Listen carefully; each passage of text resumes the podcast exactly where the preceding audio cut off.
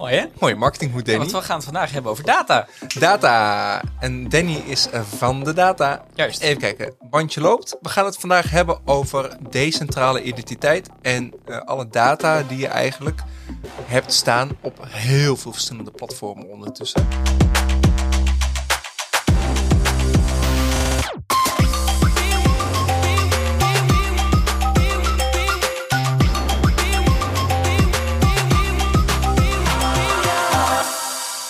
Hoeveel, hoeveel platforms heb jij je data, denk je wel niet? Nou, ik heb ooit een keer toen ik les gaf op de Hogeschool Utrecht ehm, mijn password manager laten zien aan studenten. Ehm, ni- niet de, de inhoud van de passwords, maar wel hoeveel accounts ik heb.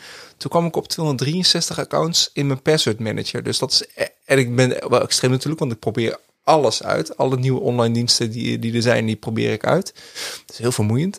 Ehm, maar toen kwam ik echt wel op 263. En ik ben heel eerlijk gezegd, Danny, afgelopen tijd, afgelopen half jaar, ehm, in mijn password manager aan het kijken van, doe ik nog wel iets met dit account? Zo nee, dan verwijder ik hem. Dus dan ga ik Zo. echt naar die dienst toe. Verwijder ik hem, haal ik hem ook uit mijn password manager.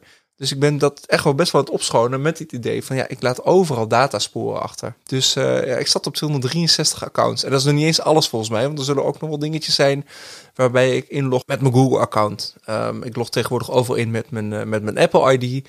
Of ik maak een Hide My Email-account aan. Daar hebben we het volgens mij een podcast geleden nog over gehad, of twee keer geleden. Dat ik voor elke nieuwe dienst een eigen unieke e-mailadres aanmaak en een eigen uniek wachtwoord. Ehm, zodat ik ook gewoon heel snel, eh, mocht mijn account gehackt of eh, ge- gelekt worden, ehm, kan ik dat e-mailadres stopzetten. Heb ik nergens meer last van. Dus eh, nee, ik ben, ik ben er natuurlijk best wel veel mee bezig.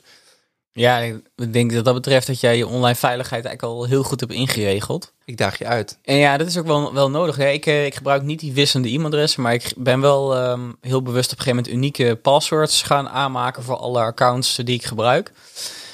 En dat heeft er ook wel mee te maken dat ik ehm, vorig jaar, dus 2021, eh, in zeven datalekken heb gezeten. Echt? Ja, en het waren ook echt wel grote. Eh, en er zaten dingen tussen, nou, bijvoorbeeld de tickets eh, die ik ergens voor heb gekocht. Daar was een grote leverancier bij die, waar ik in zat. Maar en dat is geloof ik twee weken de grootste datalek van Nederland geweest. Daarna kwam er een andere overheen. Ik geloof met 7 miljoen accounts. Was volgens mij een leverancier van eh, garage software. Mm. Mhm. En eh, nou ja, ik heb zelf ook een auto. En ja, met mijn registratie zat ik dus ook ergens daar in een database. Ja, daar zat ik niet in. Dat weet ik nog wel. Dat heb ik nog gecheckt. ja, dus, dus, dus ja, en die vijf, ik kan ze even niet allemaal zo even oplepen. Maar er zijn er serieus na het, nou, zeven geweest. Dus, en ehm, ja, dan ben je gewoon wel de pineut. Dat als jij altijd hetzelfde wachtwoord en gebruiksnaam gebruikt, dan loop je ook wel serieus risico. Dus al die maatregelen die jij net eh, opnoemt, ja, dat is wel heel zinvol als jij eh, ehm, in zoveel datalekken zit. Ja. En ehm, ja, ja, ik denk wel, eh, die datalekken is denk ik eigenlijk één van de problemen waar we nu heel erg tegen aanlopen met, met, met data. Ehm, we hebben inderdaad, nou ja, we, hebben inderdaad eh, eh, datalekken, we hebben eh, cookie walls die voor websites staan, we hebben third-party cookies waarvan het gebruik steeds verder wordt teruggeschroefd. Wat is het verschil tussen cookies en third-party cookies, Danny? Ja, je hebt eigenlijk first en third-party cookies. En Waar zijn de second, waar zijn de second cookies? Ah, ja, dit heb ik voor mijn boek een keer opgeschreven, maar sorry, vind het ik is lastig om nu zo te reproduceren. Maar de, maar de, de belangrijkste De is... de- first party cookie is in ieder geval data die jij zelf verzamelt. Ehm, dus ik ga naar jouw website toe Mhm. en dan kan jij data over mij verzamelen ehm, en die sla jij zelf op. Wat er bij third party cookies gebeurt, is dat er een, dat, een partij is die dat namens jou doet. Dus als jij bijvoorbeeld Google Analytics hebt draaien, dat draait bij Google. Mhm. Eh, en in feite verzamelt Google namens jou informatie over jouw bezoekers. Dus er is een derde partij Ja. die, dat, ja, die namens jouw data verzamelt. Check. Dus als ik dat op mijn website, ik heb een platform over duurzaamheid, ehm, dat zit nu nog Google Analytics in. Dat heb ik wel helemaal geanonimi- geanonimiseerd. Ehm, dat is een, een third-party partij. Ehm, en andere dingen gebruik ik Matomato. Matomo, ik ben even de naam kwijt. Ja, het was vroeger Pewik. Ja, Pewik, maar dat is nu Matomato. Mat Ja. Matomo. Matomo. Mat- Ik denk dat dat is. Ehm, en dat draait op, op mijn eigen webhosting. Ja. Dus dat is een First first party, party. cookie. Check, check. Ja. Dus er staat een heleboel data van jou ook bij oh, mijn Google. Volgens mij weet Eh, iedereen en, dat en, wel, en, maar... en, het idee uiteindelijk waar de vanuit de, zeg maar de EU is wel echt wel een soort voorloper wat betreft eh, privacy eh en privacywetgeving.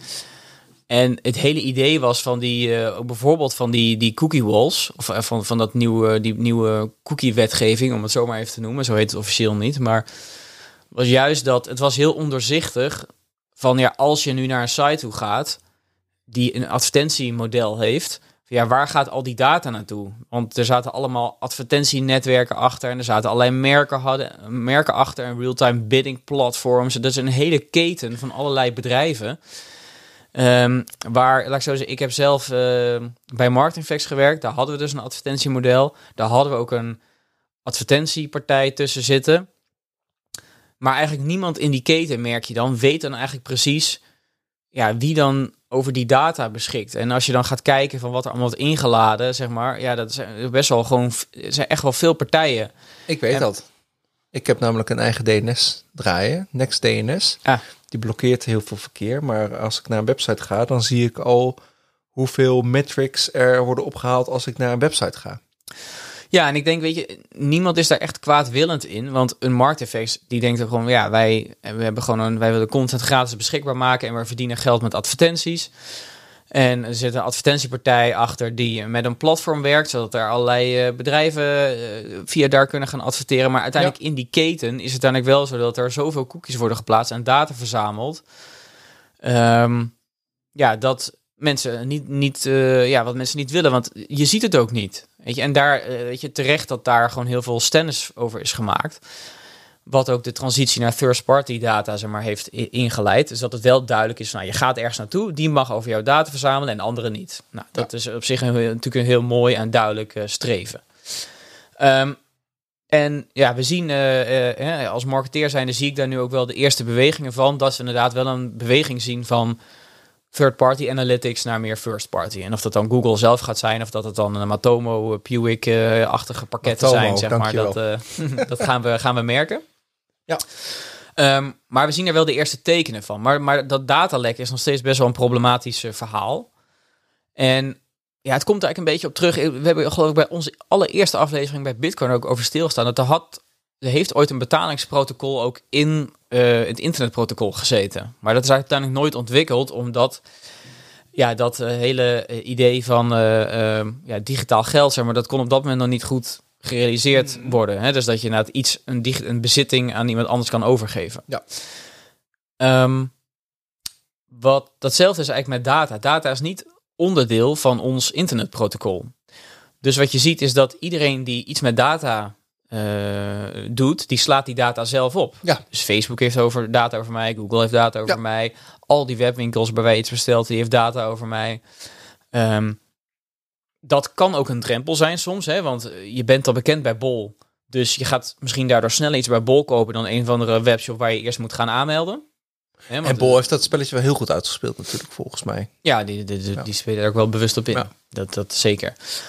Ehm, maar dat is, ja, de, de, sommigen die noemen dat eh, ook wel dat dat een beetje de weeffout van het internet is. Want ehm, daardoor is er wel best wel veel shit ontstaan. Dus zoveel partijen die dus data over jou opslaan. Met daarbij dus ook het risico, ja.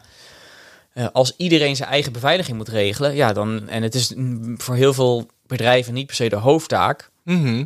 ehm, ja, dan kan het best geld. snel voorkomen. Ja, Goede precies. beveiliging kost geld, dus Ja. het gaat van je marge af. Ja, en iedereen moet er zelf over nadenken van ja, wat is dan veilig? En nou ja, je ziet dus, nou ja, in mijn geval is het dus vorig jaar zeven keer fout gegaan, wat natuurlijk heel erg eh, on- onwenselijk is. En ehm, nou ja, ik, eh, ik weet niet of het eerder aan bod is gekomen, maar, ik, maar ik, ik, ja, ik hou me dus best wel bezig met de combinatie van data en marketing. En Mhm. heb daar ook een boek over geschreven en vertel daar ook regelmatig over op eh, congressen en, en geef training op dat gebied. Dus ja, ik ben zelf ook best wel vaak over aan het nadenken van, van ja, waar gaat dit nu heen? Hè? Ik zie de ontwikkeling wel en op korte termijn zie ik wel transities, maar uiteindelijk, ja, een cookie wall eh, is, is daar en al die cookie pop-ups, mensen vinden het alleen maar irritant, klikken of gewoon massaal op ja of nee, omdat ze Mhm. gewoon daar niet bewust van willen zijn. Maar wat is nou wel echt een wenselijke situatie in hoe je met je data omgaat als, als, als individu? Ja, kijk, ik vind het niet zo heel erg als iemand opslaat dat ik op een website kom, daar een artikel lees, dat ze weten, oké, er zijn zoveel mensen op dit artikel, uh, doe, doe het zelf ook. Er komen heel veel mensen binnen Ja. op mijn duurzame platform over elektrisch rijden in eh, Denemarken. Ja. Dat is echt een hot topic. Uh, best wel veel bezoekers. En uh, ja, ik vind het handig om te weten welke onderwerpen populair zijn, hoe lang mensen op die pagina's zijn, Ja. zodat ik weet van oké, ehm, mijn volgende reis gaat uh, naar Zweden binnenkort um, met een elektrische auto. Daar ga ik dus meer over schrijven, want dat vinden mensen interessant. Ja. En ik heb dat zelf ook. Ik weet dat als ik naar, uh, naar Marketing Facts ga, uh, dat ik word, uh, dat, dat ze weten, oké, okay, ik zit zo lang naar dat artikel te lezen. Dus dat, en als heel veel mensen dat doen, dan weet je gewoon welke topics interessant zijn. Ja. Maar waarom, heb, zo... je, waarom heb jij die DNS geïnstalleerd? Uh, omdat ik het wil zien wat er gebeurt. En ik wil sommige dingen soms ook wel echt blokkeren. Um, maar je zegt zelf, hè, van je hebt er op zich geen probleem mee als Market ziet dat je op de site bent en wat je bekijkt. Maar, Mhm. mm -hmm. wanneer wordt het voor jou wel een probleem? Wanneer um, vind je het wel vervelend? Ja, dat weet ik eigenlijk niet. Dat is een goede vraag. Kijk, ik heb een hekel aan um, slechte reclame. Komt omdat ik ook een beetje in die business zit. Maar dat het, het moet natuurlijk wel passen. Maar het, het wordt natuurlijk op een gegeven moment wel. Um, ja, god, dat vind ik echt een hele, vind ik echt een hele goede vraag. Nou ik ja, weet het niet. nou ja, laat ik zo zeggen. Ik, uh, om een voorzet te geven. Ik vind het zelf bijvoorbeeld. Um, ik vind het fijn om een account te hebben bij, uh, nou noem maar iets, Bol. Mm -hmm. Zodat ik niet, uh, zeg maar, elke keer die gegevens hoef op te geven als ik daar iets wil bestellen. Je adres, je ja. postcode, je bankrekeningnummer. Ja. ja. Dus, dus het voordeel van dat zij mijn gegevens mogen bewaren, is dat ik ze niet elke keer hoef in te voeren. Ja. Dus dat is voor mij het voordeel. Ja. Uh, ja, daar zit voor mij heel erg in van, oké, okay, dat werkt blijkbaar omdat ik, um, uh, uh, zeg maar, ik haal er voordeel uit. Ja, dus, Ja. dus door die gegevens zeg maar, in te vullen, zeg maar, heeft het voor mij, wordt, ontstaat er iets van waarde. Maar er gebeuren ook heel veel dingen dat bijvoorbeeld gegevens gevraagd worden waar er niet per se waarde ontstaat. Uh, bijvoorbeeld als je misschien maar eenmalig iets bij een webshop wil bestellen en dat je, maar ze moeten toch al die gaan toch al die gegevens opslaan. En dat wil ik helemaal niet. Mm -hmm. uh, of uh, dat je gegevens moet insta opgeven waarvan je denkt, ja, waar ga je dat helemaal staan Waarom heb je gebruiken? mijn, um, um, mijn, mijn BSN nodig om um, iets te bestellen bijvoorbeeld? Ja, want eh, sowieso, kijk, we hebben het nu alleen maar over uh, webwinkels. Dat is eigenlijk nog relatief, uh, valt eigenlijk nog wel mee. Hè? is toch vaak ja. NRW-gegevens en een betaal wat betaalgegevens. Het is toch handig dat die spullen bij je thuis bezorgd worden? Ja. Daar hebben ze toch wel je postcode ja. voor nodig in je huisnummer? Ja, maar mm -hmm. ook dat kan al vervelend zijn. Hè? Want als je zeg maar naam, adres en woonplaatsgegevens gecombineerd bijvoorbeeld met een geboortedatum hebt, dan ben je al zeg maar een paar stappen verder met phishing. Uh, of bijvoorbeeld social engineering. Dus dat je gaat voordoen als degene waarvan je die gegevens hebt. Maar um, ja, dus dat is één. Maar als jij, stel je gaat, je wil een huis huren. Mm -hmm. Nou, dan moet je zo ongeveer je hele leven en je hele financiële leven blootleggen. Klopt. Ja. Uh, je moet uh, bij wijze van spreken een kopie van je idee en... Uh, Inkomstenbewijs van ja. je inkomen volgens mij. Ja, soms, ik heb soms wel gehoord dat ze nou gewoon vragen om een, je IB-aangifte, dat ze daar een kopie van Ja. willen. Er staan heel veel gegevens op, ook allemaal gegevens die zeg maar zij helemaal niet eh, Nou, echt nodig hebben? Nee. Nee. Ehm, dus dat voelt heel vervelend. Je moet heel erg blootgeven. En terwijl, eh, ja, eh, het levert, ja, het levert je uiteindelijk wel, wel wat op, maar het, het staat niet in verhouding. Zo voelt. Ja. Ja. Dus, dat, ja, dus eh, niet in verhouding staan. En ik, een, een derde component dat ik daar nog bij heb, is dat het vaak, eh, bijvoorbeeld als je gaat, gaat hebben over die cookies die dus uitgeserveerd worden bij, bij die advertenties online, Mhm. je hebt er geen zicht op. Dus je hebt bijvoorbeeld, eh, ik weet dat er zijn zeg maar, bijvoorbeeld gratis apps. Neem zeg maar categorie buienradar. Mhm. Ja, daar schijnen dus allemaal tracking cookies in te zitten, die dus allemaal gebruiksgedrag bijhouden. Eh, dat is ook een beetje een soort van dat Ja, verdienmodel. klopt. Ik, eh, die, zie, ik- die, die zie ik in mijn NextDNS logs voorbij komen. Nou ja, en laat ik zo zeggen, eh, want hoe kijk je daar dan naar? Want kijk, bij Analytics, je gaat dus naar Markteffects, dan is het dus redelijk duidelijk van, het gaat naar Markteffects, Ja. maar bij zo'n buienradar, daar zitten dus allerlei andere partijen bij. Ja, en het, hun verdienmodel is natuurlijk data. Volgens mij. Daar Ja. verdienen ze geld mee. Want dan kan Ja. RTL eh, meer data verzamelen om mij advertenties te laten zien. Ja, maar denk je dat jouw moeder dat weet? Want jij weet dit, maar... Nee, die, die heeft geen idee. Nee. Nee. Dus ik denk, ik denk dat daar het probleem in zit. Dat het is helemaal niet transparant Nee. dat dat gebeurt. En, en Ja, nee, dat klopt.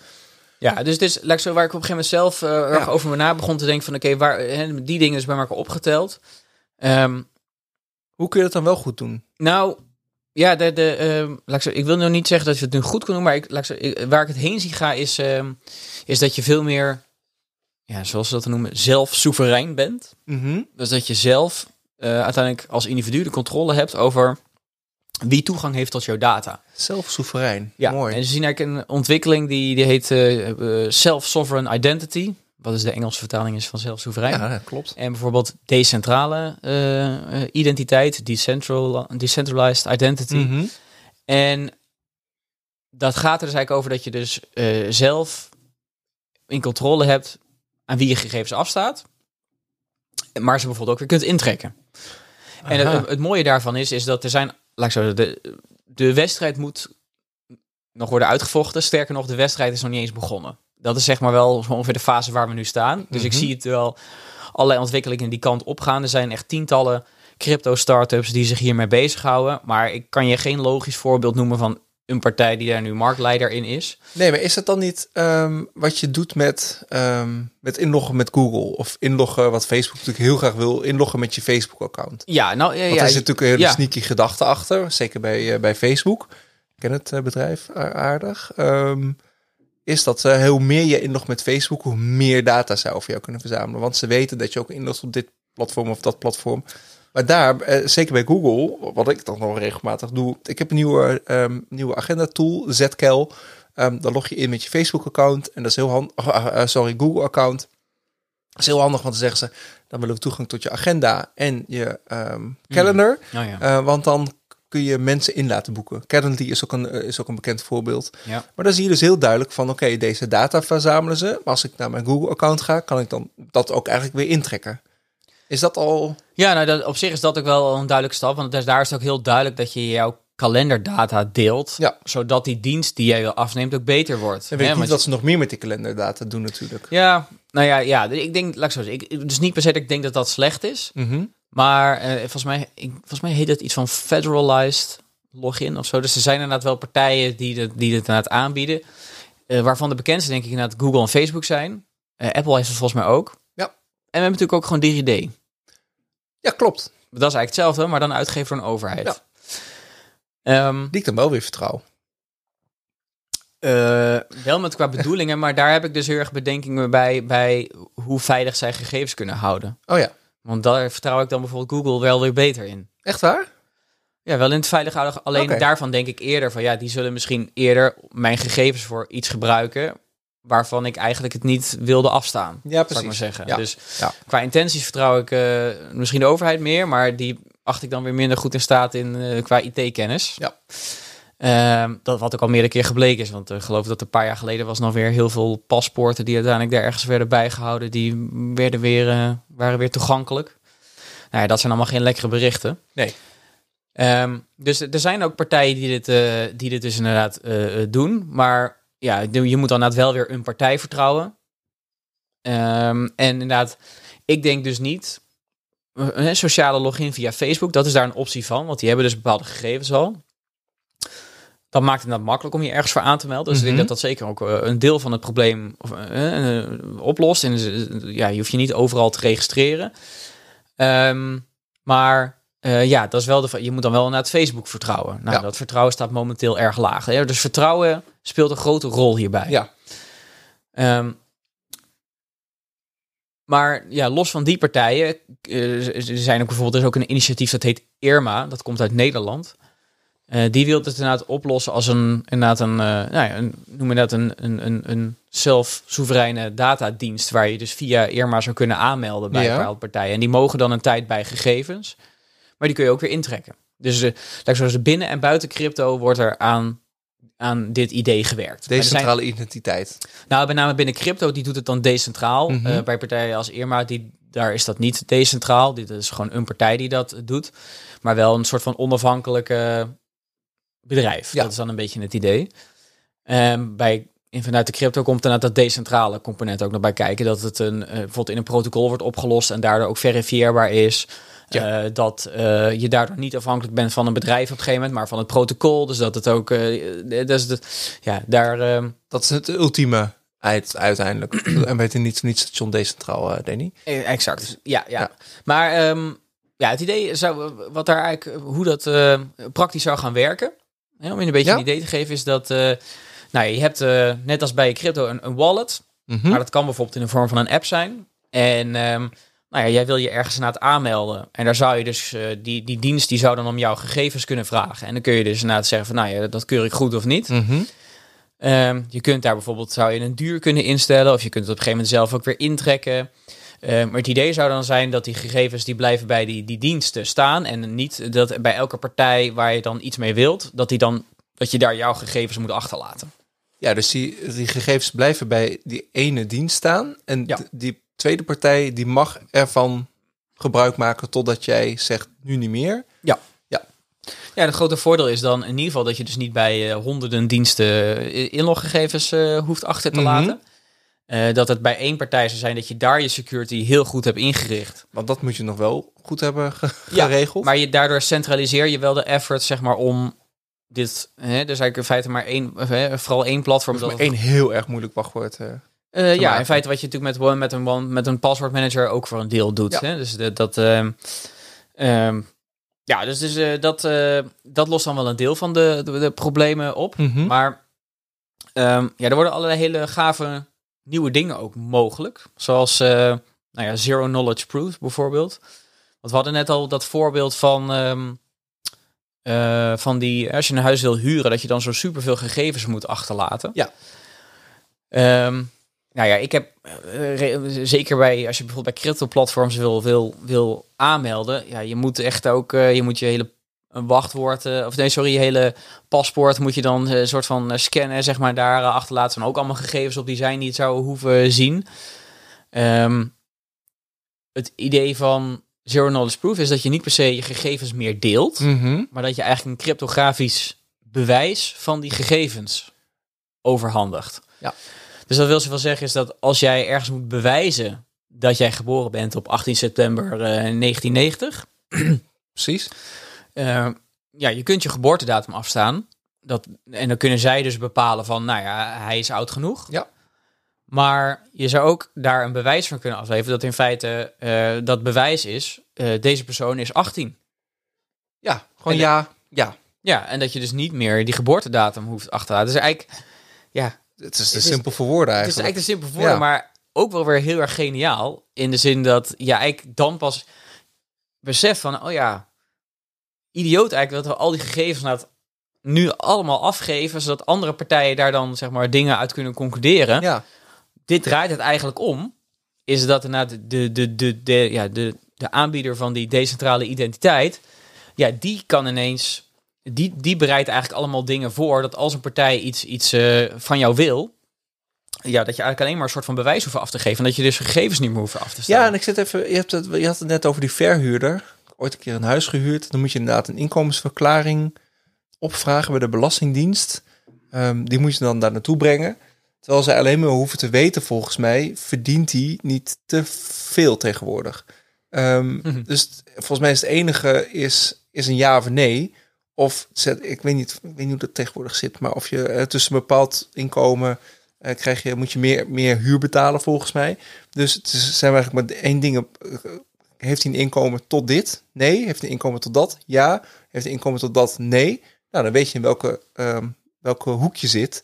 Uh, en meer hoef je niet te weten als, als verhuurder volgens mij. Nee, rondom en, dat inkomen. Klopt, en uh, dus dat zou natuurlijk top zijn als je daar gewoon een bewijs voor, bewijsje voor zou kunnen hebben dat jij er dus aan voldoet. Want dan hoef je net, want het is natuurlijk idioot eigenlijk dat je naar IB-aangiftes en, en, en loonstrookjes allemaal moet gaan afgeven, zodat mm -hmm. zij het dan kunnen bepalen. Want er staat superveel privé-informatie op, ja. die zij helemaal niet hoeven te zien. Zij moeten uiteindelijk, uiteindelijk gewoon die conclusie kunnen trekken.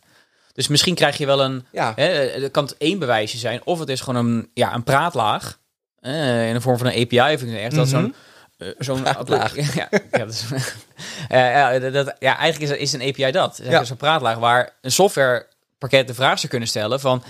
precies wat jij net zegt, verdient deze persoon tussen dit en dit. Nou, op dat moment wordt inderdaad een cryptografisch bewijs afgegeven, die inderdaad zegt, ja, dat is inderdaad Ja. zo. En vervolgens uh, nou ja, is dat eigenlijk gewoon genoeg om verder mee te gaan. En jij ziet in je eigen portal gewoon welke data er allemaal over je verzameld is. Of Ja. die je graag uh, verzameld hebt. Uh, en je bent er zelf bij van ik wil dit wel of niet delen. Of dit wordt op deze manier gedeeld. Ja. Dus niet het exact, mijn exacte inkomen. Maar wel um, is zijn inkomen hoger dan of lager dan X. Ja, nee, ja dus zeker. Dus, en um, ja, binnen crypto, waar de startups die daaraan werken, die wij vaak zien dus dat ze ook nog gegevens digitaal, uh, ja, dus ook bijvoorbeeld decentraal opslaan. Dus daar, daar verlaag je ook weer nog het risico. Dat is natuurlijk het nadeel als je het bij één partij hebt.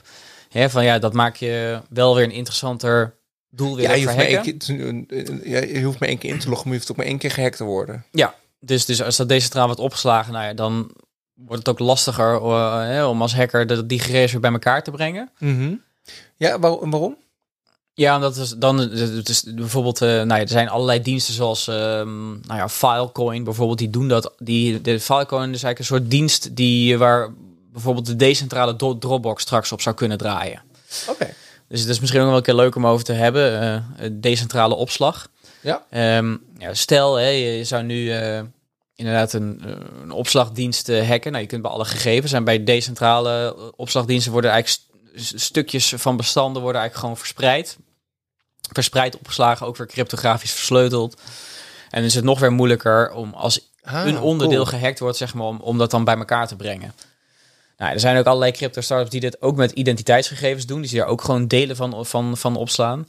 Um, en wat het oplost, als je dus een goede, als er inderdaad gewoon een goede dienst uh, opstaat, die uh, ja, in feite uh, zit alle, hè, net als bij Bitcoin, de, de, de, je hoeft niet een bedrijf te vertrouwen, maar de, de, uiteindelijk de, de, de logica zit uiteindelijk in, die, in het protocol. Ja.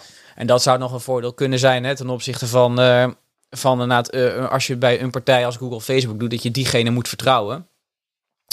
En dat, dat zou dan uh, daar ook uh, minder, inderdaad, een mindere mate een rol mee spelen. Mm -hmm. Maar ja, ik vind het zelf wel. Uh, ja, ik zie er zelf wel, wel heel erg de, de toekomst in. Ik vind het ook super interessant om te volgen waar dit naartoe gaat. Ik denk dat het gave hiervan is, dit lost ook wel echt heel erg een probleem. We hebben hier echt een probleem, zeg maar, ook op dit vlak. Ja. Weet je, de, inderdaad, uh, sowieso bij, bij datalekken, uh, nu dat we overal onze gegevens uh, achterlaten, dat is heel duidelijk een probleem. Maar ook on, ja, in de vorm van inderdaad uh, cookies waar, je, waar we online mee werken. Van, van, dat is heel duidelijk een, een issue. Dus eigenlijk op meerdere vlakken, er is al heel duidelijk een proble probleem. Alleen ja, er is er nog, ook nog niet echt een oplossing voor. Hè? Dus, nee, dus... kijk, webwinkels willen gewoon... Ze, ze, ze, moeten natuurlijk gewoon iets hebben om het pakket naartoe te sturen. Ja, dus, dus dat, dat, precies, dat probleem zijn... los je denk ik nog niet meteen op met zo'n decentrale opslag. Uh, maar wel wie, wie ah, op zich wel, wel welk, welk bedrijf um, dat ja, mag gebruiken. Ja, het is wel de hele omslag, want nu is het natuurlijk zo van, zo werkt het natuurlijk ook weer, van stel je koopt iets bij Bol en het wordt verzonden met PostNL. Ja, je gegevens staan bij Bol, die worden weer doorgegeven aan PostNL, dus het staat weer op twee plekken. Ja. Uh, misschien zit daar uh, nog weer een vervoersdienst uh, die weer ingeschakeld wordt door PostNL en zo, dus staat er weer bij drie partijen. Dus weet je, het, gooit uiteindelijk wel heel de keten om. Want al die partijen moeten straks soort van de bijvoorbeeld, uh, die, die, zouden, nou ja, die, die, moeten uiteindelijk toegang dan hebben voor die levering. Zeg Ja. maar, hè? Dat, dat, dat, zodat zij het niet hoeven op te slaan. Dat zou dan de, dat zou wel de verandering moeten zijn. Ze slaan die data zelf ook niet meer op. Nee. Dat zou wel het idee zijn Ja. natuurlijk dat je dus de gegevens kunt, hè, je, je kunt ze gebruiken, maar dat je ze niet inderdaad eh, eh, dan ook zelf gaat, gaat opslaan. Ik vind het even, ik moet er even goed over nadenken. Ik zat even te denken van, op een gegeven moment ehm, weet je ook wanneer je pakket ongeveer aankomt. Maar dat zal, zal dan ook decentraal opgeslagen worden of in je eigen account. Ik, ik zit even na te denken hoor, ik weet het, ik weet het even niet. Maar je kunt zoveel dingen, er is zoveel, er zijn zoveel datapunten in alleen al een pakketje bestellen via bol.com. Ehm, ongelooflijk eigenlijk. Ja, je ja, het beseft is eigenlijk pas... pas te eh, bedenken. Ja. Ja, nee, dat klopt. Eigenlijk alles wat je gaat doordenken is eigenlijk pas... eh, kijk, als jij bij... eh, ja, noem maar eens iets. Als jij... je ja, stel je bij... bij ja, je meldt je aan voor, voor, voor een, ja, noem je dat, wel- wat hoe heet dat portal van Albert Heijn ook weer, waar je de je recepten bijvoorbeeld in kunt. Alle handen of Ja, zo? Ja. bijvoorbeeld. Daar Nou, goed, met, met, met- met- nou, ik vind... ehm, eh, ik heb een Albert Heijn account. Ik bestel de boodschappen online. Ik heb Albert Heijn met dat gouden vlaggetje. Ik weet niet hoe heet dat. Albert Heijn Excellent? Nee, dat is iets anders. geen idee. Nou, in ieder ik geval... eh, ik krijg extra bonus. Premium, bonuspunten. eh, premium. Albert Heijn Premium heet het gewoon. Oh. Ja, volgens mij wel. Ik Oké. weet het eigenlijk helemaal niet. Ik krijg korting op biologische boodschappen. Dat tikte behoorlijk aan. Ah. Ehm, ik was dat dus heel netjes aan het bijhouden van ja, ik heb, dat kost 12 euro per jaar. En ik krijg 10% korting op je, op je eh, biologische producten. Ik was heel netjes een Excelletje aan het bijhouden van oké, zoveel korting, help ik dat eruit. Maar dat houden ze voor je bij. Ook die data weten ze. Maar ze weten alleen één heel belangrijk ding niet. Ehm, dat we al zeven of acht jaar sinds we dat account hebben, alleen maar, alleen maar vegetarische, eh, eh, nooit vlees bestellen. En toch krijg ik aanbiedingen van vlees. Dan denk ik van, nou, Oh, als je zo knullig met je data omgaat, dan eh, vertrouw ik het eigenlijk helemaal, vertrouw ik het eigenlijk helemaal niet. En aan de andere Oh, kant man, man, man. denk ik ook weer wel van, nou, als je zo slecht met data omgaat, dan eh, zul je het ook wel niet heel snel kunnen monetizen. Soms vraag ik me wel eens af waarom ik die boeken schrijf. Nou, dat is dus precies om deze reden. Het Ja. is gewoon echt zo teleurstellend. Zeg maar, mijn beroepsgroep, marketeers, is echt af en toe om te huilen als je ziet, zeg maar, wat ze uiteindelijk kunnen met die, eh, met die Ja. data uiteindelijk die ze verzamelen. Dat is ook weer gewoon een beetje zo de andere kant ervan. En ik denk, maar ik moet heel eerlijk zeggen, ik denk ook wel dat dat wel de omslag misschien ook wel gaat zijn. Want, weet je, we verzamelen nu ook allemaal maar gewoon gegevens omdat het kan, weet je. Ook marketeers zijn ook maar gewoon gewend van, eh, je zet gewoon... eh, wij spreken de kraan Ja. open en, en we kijken daarna wel wat wat je op de Google. Analytics kan, kan zien. Maar zo'n zo'n Ahold is een Albert Heijn, dus mocht er iemand luisteren. ik hoef geen vlees meer in, de, in mijn app. Ja, ik, vind Ehm, het, ik vind het wel gewoon een fantastisch voorbeeld. Want het is zo logisch. Ja. En gewoon met zo kleine dingen. Weet je, er wordt dat hele big data verhaal, dat is me ook al zo vaak voorgelegd van eh, wat de potentie daarvan is. Maar gewoon zo'n, dit is gewoon small data. Is gewoon een klein voorbeeld van hoe je met één klein slimmer ding, zeg maar, hoe je gewoon veel relevanter kunt zijn door Ja, geen vlees te serveren. Dan mag je van mij mijn data wel gebruiken. Ja, om, dat, en- om, om, om, de, om die speklap eh, Ja. niet meer voorbij te zien komen. Ja, dus ik Maar- denk, dus ik, weet je, dat is me ook meteen wel nog wel even goed, goed bruggetje. Want laat ik zo zeggen, we hebben nu over gehad wat als consument dan je voor. Dus maar ja, wat betekent dat dan bijvoorbeeld voor bedrijven en marketeers? Nee, nu wordt wel eens gezegd van ja, data is de nieuwe olie. Ja. Hè, dat werd heel lang geroepen. Ja. Nou ja, ik denk eh, op een gegeven moment Doc Searls heeft op een gegeven moment gezegd van data is de nieuwe liefde. Mhm. Ik denk eigenlijk dat dat veel beter past in de zin van ja, liefde is ook niet iets onvoorwaardelijks. Je moet het soort van verdienen.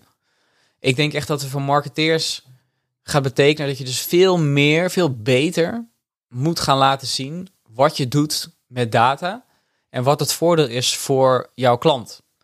Hè, ik, ik, als ik bijvoorbeeld trainingen geef bij, als het gaat over registratieformulieren, probeer ik altijd mensen ook mee te geven van eh, bij, voornaam is dat je niet voor jezelf eigenlijk denkt van alleen voornaam, maar dat je ook bedenkt eh, wat is uw voornaam, zodat wij uw persoonlijk kunnen aanschrijven. Ja. Ehm, hè, wij willen eh, uw e-mailadres weten, zodat wij proactief contact kunnen opnemen. Weet je, allemaal van dat. Ja, we hebben je telefoonnummer nodig. Mocht er iets mis zijn met de bestelling, kun je Ja. even bellen. Eigenlijk de belofte van waarom je data verzamelt. Exact. Gewoon bij Het is alles. geen marketingpodcast dit, hè, Danny? Pas nee, op. nee, nee. Ja. Maar eh, eh, ik denk dat dat. eh, ik denk ook goed dat het dus gewoon is om de andere kant hiervan te begrijpen. Ja. Want ja, marketeers in die zin zijn ook niet allemaal. zijn ook niet. Evil. geen evil, uh, kwaadwillende. Maar ja, wel gewoon. eh, niet zo snugger af en toe gewoon hiermee. Dat, dat durf ik wel aan het wel te zeggen. Dat Ik toch ga wel, in de eh, show notes. Ik typ hem nu eh, op. eh typ hem nu op. Marketeers zijn niet snugger. Nee, Klopt, linkje naar je boek. oh ja, dat is wel goed. Ja. Ja, maar, maar goed, in die zin, weet je, ik denk dat het gewoon ook daarvoor gewoon positiever gaat zijn. Dat iedereen, ook de bedrijven en marketeers die het nodig eh, hebben, gewoon veel bewuster gaan zijn van wat vraag ik nou eigenlijk? Dus als wij data decentraal gewoon opslaan, dan krijg je meer inzicht in welke data van jou beschikbaar is en van welke partijen. Dus wordt het veel transparanter Dat en sowieso. eerlijker met Ja. wat, je, wat je deelt en hoe je dat deelt. Dus niet meer exact je geboortedatum, maar is al je ouder dan X. Yes. Iets ouder dan 40 Ja. in dit geval. Ja, en dan hoop ik dat aan de andere kant inderdaad eh bedrijven ook gewoon veel meer laten zien eh, nou ja, wa- wat ze uiteindelijk met jouw gegevens doen en waarom je het met ze moet delen. Want ja, ze zullen het veel meer moeten gaan verdienen op het moment dat je het zelf eh, gewoon allemaal Ja. eh, kunt controleren. En dan is de truc om een tijdje NextDNS eh bijvoorbeeld te gebruiken, zodat je in ieder geval inzicht, inzicht hebt in wat er allemaal getrackt wordt. Want dat is echt wel bizar. Ehm, En ja, tot die tijd, ja, ik blijf, ik vind, het, ik vind dit super interessant, dus ik blijf dit gewoon volgen. Wat er op dit moment, ik ben heel benieuwd wat er de komende jaren op staat eh, qua eh, decentrale digitale identiteit. Wat eh, ja, straks onze toekomst gaat zijn. dan zou ik zeggen, als je als luisteraar meer input hebt voor Danny of meer vragen hebt voor, voor ons, ehm, laat het weten. Stuur een mail naar info.stationdecentraal.nl of vul het contactformulier in op de website.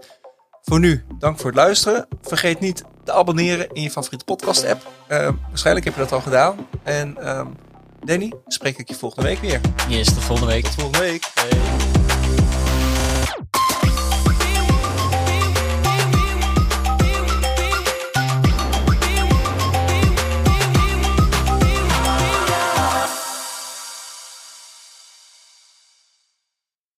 Dit is een podcast van De Podcasters. Wil je adverteren? Neem dan contact op met info@thepodcasters.nl.